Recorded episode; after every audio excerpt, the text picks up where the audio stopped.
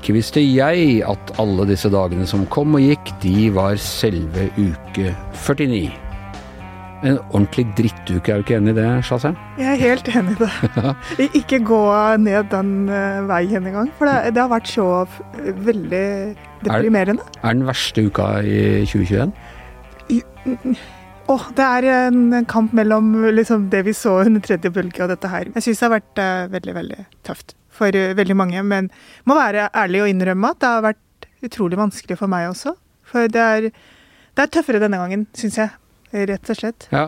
Nei, altså, og det er jo nettopp, ja, det var jo tøft i vinter, og da var det jo på mange måter enda mer alvorlig. Folk ble sjukere, og, og, eh, det var vanskeligere med sykehusene og sånne ting. Det er ikke nødvendigvis Det er ikke sikkert engang at det er så farlig nå.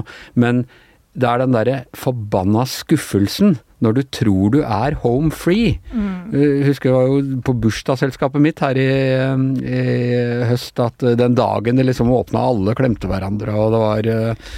Vi trodde jo at når vi fikk eh, dose to Husker du når vi fikk dose to, ja, hva ja, du ja, følte da? Altså, jeg, jeg kjente jo veldig sånn Endelig er det over. Jeg følte det var sånn langbein og oppdaga supernøtten, liksom. Jeg hadde fått meg en supernøtt og kunne Og så er det ikke over. Nei, det og vi vet ikke når det er over. Men vi må ikke være for pessimistiske. Vi er, vi er Altså, enten så får vi en boosterdose, eller så ja. blir vi smitta altså, og får en dose der, der, derigjennom. Men jeg tror det kommer til å Vi får bare satse på at det går bra. Det er bare, det er bare det er ikke, Vi var ikke forberedt på det. Nei.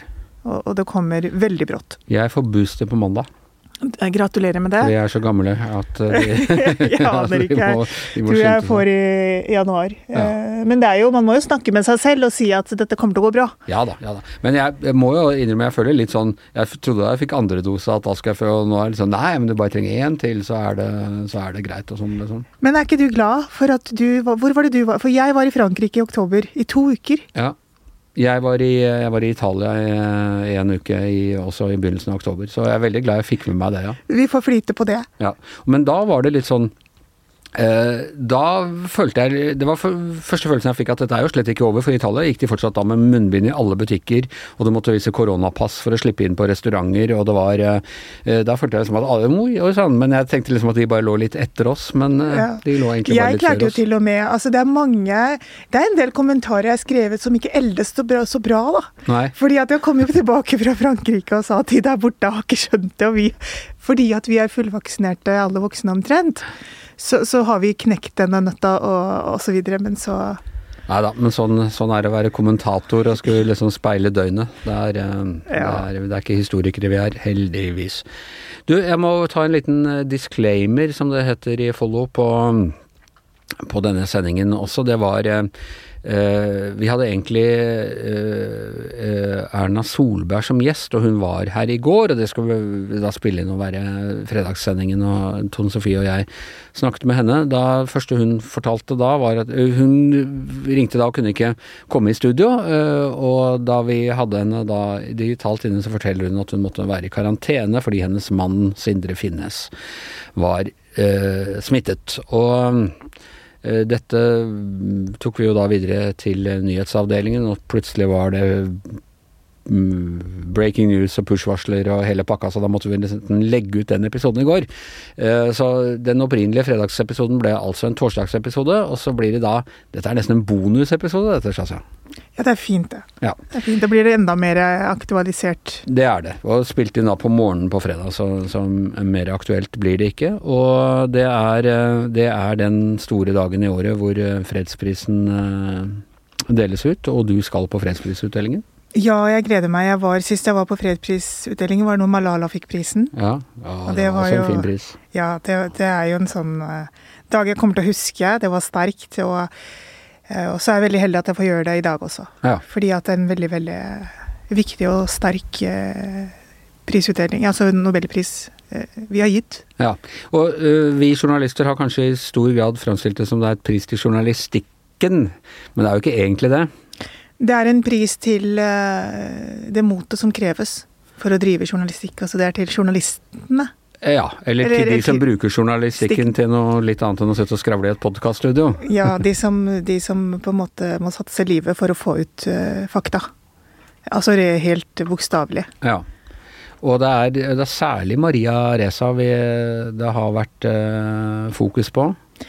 Og det er også naturlig. Hun øh, har vært en fyrtårn, er det det det heter? Et fyrtårn, ja.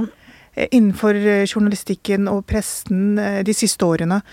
Jeg var på et undersøkende journalistikkonferanse i Hamburg i 2019, tror jeg det var, hvor hun var.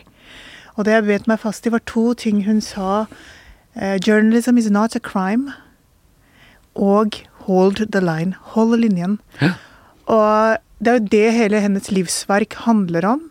Fordi at hennes arbeid er gjort om til å være kriminelt. Hun eh, har jo syv rettssaker pågående akkurat nå. Måtte gjennom fire rettssaker for å komme til Norge i dag og, og motta prisen. Eh, hun er jo blitt truet på livet. Hennes journalister er blitt truet. Nå, og så sa hun i går at eh, det å få Nobel fredspris er en beskyttelse. Men så tenkte jeg at i går ble en av hennes tidligere journalister skutt og drept. Hvor stor trygghet Det er selvfølgelig en trygghet i å få en sånn pris, både for, for Maria Reza fra Filippinene og for, for da Dmitrij eh, Muratov fra Novaya Gazeta, som er eh, den eneste uavhengige russiske avisen. Eller i hvert fall eh, regimekritiske, da. Så det, det hun mener med å holde linjen, er jo Autoritære regimer går jo for kritiske stemmer, selvfølgelig. De går for sivile, altså aktivister osv. Når de kommer til pressen, da er det alvor. Det er den siste linjen. For etter at de har tatt ut pressen, så er alle fritt vilt. Nei. Ikke sant? Så det er det hun mener med at hun gjør jo den jobben med å holde linjen der hvor hun er, men hun vil at alle verdens pressefolk skal hjelpe med å holde linjen, da. Ja. Det er som sånn, jeg har sett en sånn internettmeme med 'først tok de pressen', Ingen vet helt hva som skjedde etterpå. og det er jo Men samtidig, jeg, jeg, jeg tenker vi de siste årene har diskutert masse ytringsfrihet i Norge, og er vi blitt for sensitive og bla, bla, og øh, er det blitt vanskeligere å ytre seg i Norge og sånne ting. Så tenker på det å bli journalist for meg et totalt risikofritt uh, valg. Et uh, prestisjevalg uh, på mange måter. Det var vanskelig å komme inn på, på Journalisthøgskolen. Jeg kom ikke inn engang, for det var liksom så Og, og flere i slekta mi hadde, hadde vært innom journalistikken. Det er godt betalt. Det er, det er liksom Eh, du risikerer absolutt ingenting. Du har tross alt måttet uh, bryte noen barrierer. Både, jeg skal ikke på noen måte sammenligne det med, med Filippinene eller Russland, men du har måttet bryte noen kulturelle uh, barrierer for å begynne å ytre deg, og ikke bare som journalist, men også da etter hvert som kommentator. Og har måttet antagelig ta mer Merke flere typer sanksjoner og represalier på forskjellige måter. Har norske journalister eh, Skjønner de, skjønner vi, sånn som meg, egentlig hva dette her koster rundt omkring i verden? Jeg tror ikke vi som stand eh, forstår det, fordi at vi aldri De fleste av oss aldri har vært utsatt for ekte frykt for å drive eh, For å gjøre jobben vår, rett og slett. Jeg, det har, jeg vil ikke sammenligne meg overhodet med disse fantastiske, modige menneskene, men ja, det har jo vært perioder hvor jeg har vært redd. Eh, og sett ut av vinduet mitt på natta eh, for å se om det står noen ute. Og bare den redselen, og hvor hemmende den var for meg, eh, og hvor preget jeg ble, eh, og innimellom tenkt at dette gidder jeg ikke mer. Jeg er ikke der nå, men for noen år siden så var det sånn. Og, og da, og da møte journalister som rent fysisk er blitt truet på livet som, har, som er blitt banket opp. Jeg var, jeg var eh, i Oxford i fjor, hvor jeg var sammen med en gjeng med journalister fra hele verden. Og der var det noen journalister fra Hviterussland, fra Hongkong, fra Jemen. Um, og da uh, bare forsto jeg hvilken enorm trygghet egentlig hvilken boble vi lever i her i Norge som journalister, som presse. Og det satte det veldig i perspektiv, fordi der var det Og de var alle unge mennesker, hadde barn, hadde familier. Hvordan de navigerer å kritisere autoritære regimer, eh, og samtidig som at de på en måte er livredde for sine familier og barn og sånn. Så det, det, var bare Det var en, en jente der som, som, hadde vært og dekket Hongkong-demonstrasjoner, og som hadde råflaks fordi jenta ved siden av henne mistet øyet fordi at politiet skjøt. Det, det, kom veldig nært da, på meg. å og, og, kunne bare sitte med disse menneskene og, høre om den redselen. Men også det vanvittige pågangsmotet de har, da, og det, det glimtet i øyet de har. Så det ga meg veldig det, det, det var vel, Da ble jeg veldig uh, motivert til å, å, gjøre jobben, og, hvor heldige vi er. da, Å sette pris på at vi har en fullstendig fri presse i Norge. Mm. Oh. Da kan man av og til lure på, på hvordan vi, vi, forvalter det. Eh, tusen takk skal du ha, Shazia, og lykke til på, på utdelingen i dag.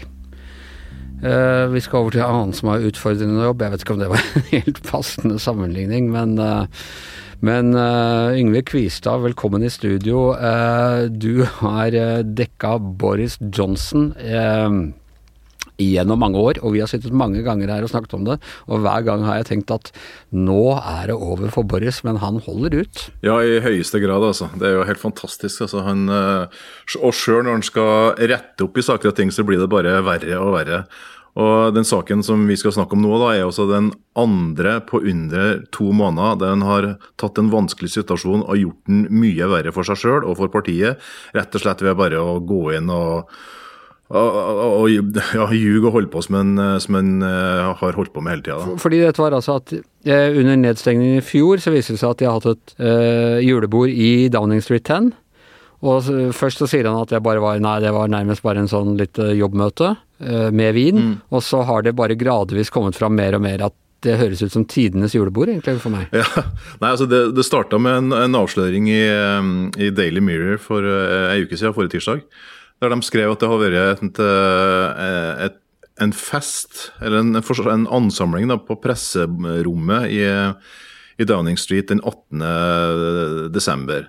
Eh, og så Der ble jo avvist fra eh, Downing Street, og Boris var også ute og avviste at det var noe, noe fest der.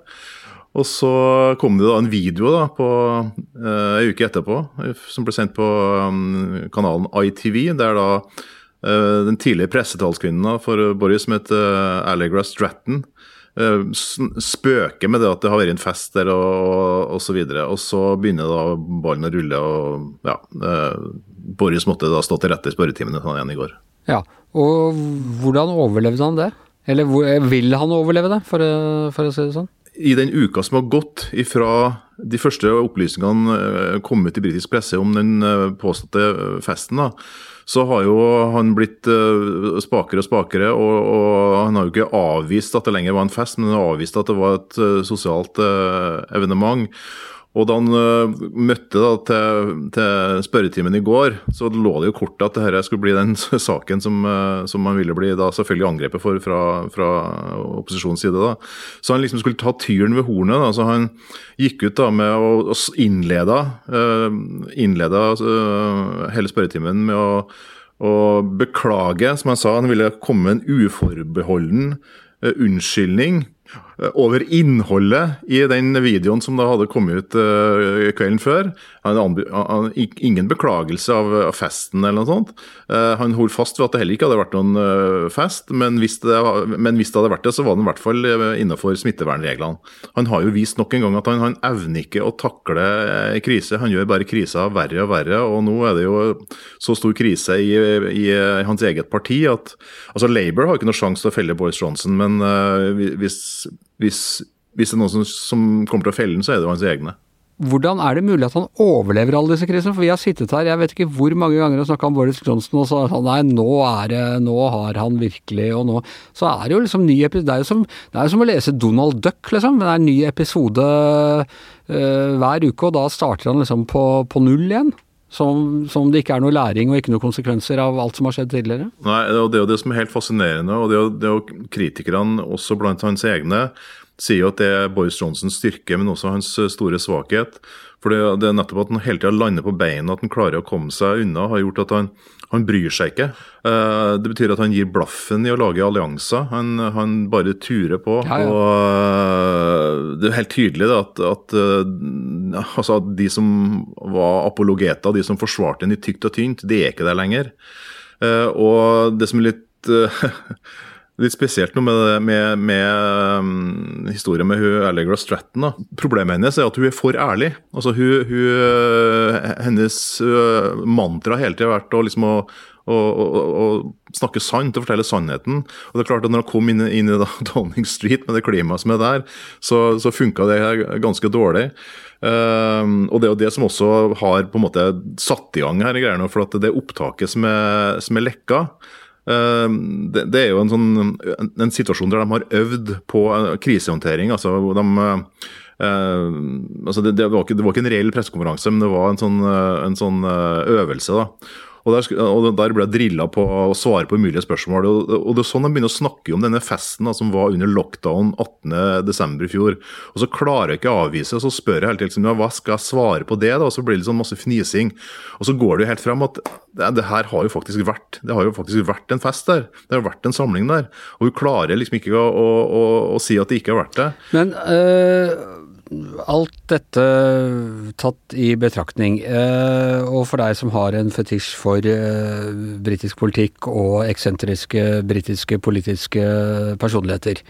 Han er jo en av de vi vil huske når han eh, en gang går av. Han er jo en slags blanding av Churchill og, og komikeren Benny Hill. Det er noe, det er noe, det er noe very British over, over Boris Johnson som gjør at man kanskje liksom tilgir ham litt òg? Jo, vi vil jo huske en, men spørsmålet er jo på, på hvilket grunnlag vi vil uh, huske en. Altså, uh, Prosjektet hans som statsminister, hva er det? Jo, altså det var jo for så vidt å få get brexit done, og det var derfor han ble valgt. Men utover det, det er ingen som aner hva prosjektet hans er. Jeg føler at han improviserer litt, så han er en sånn frijazzer. Ja, det, det, er litt sånn polsk frijazz over det hele. Altså, han, han uh, Eh, jeg tror ikke han sjøl vet heller hva han, eh, hva han vil. Altså det, for han var det nok viktigere å, å, å bli statsminister enn å, enn å være det. Uh, han, uh, ser også på det valget av rådgivere og sånne rundt seg. Altså han, er, han, er, jo en vandrende katastrofe. og Det som, uh, det, det som da britiske konservative kommentatorer skriver nå, er jo at, at det er bare et tidsspørsmål før at han blir, blir felt av rett og slett av backbencherne i sitt eget parti. Hvor raskt kan dette skje? Ja, Det, jo, det må, jo, må jo få nok, nok, brev først, da.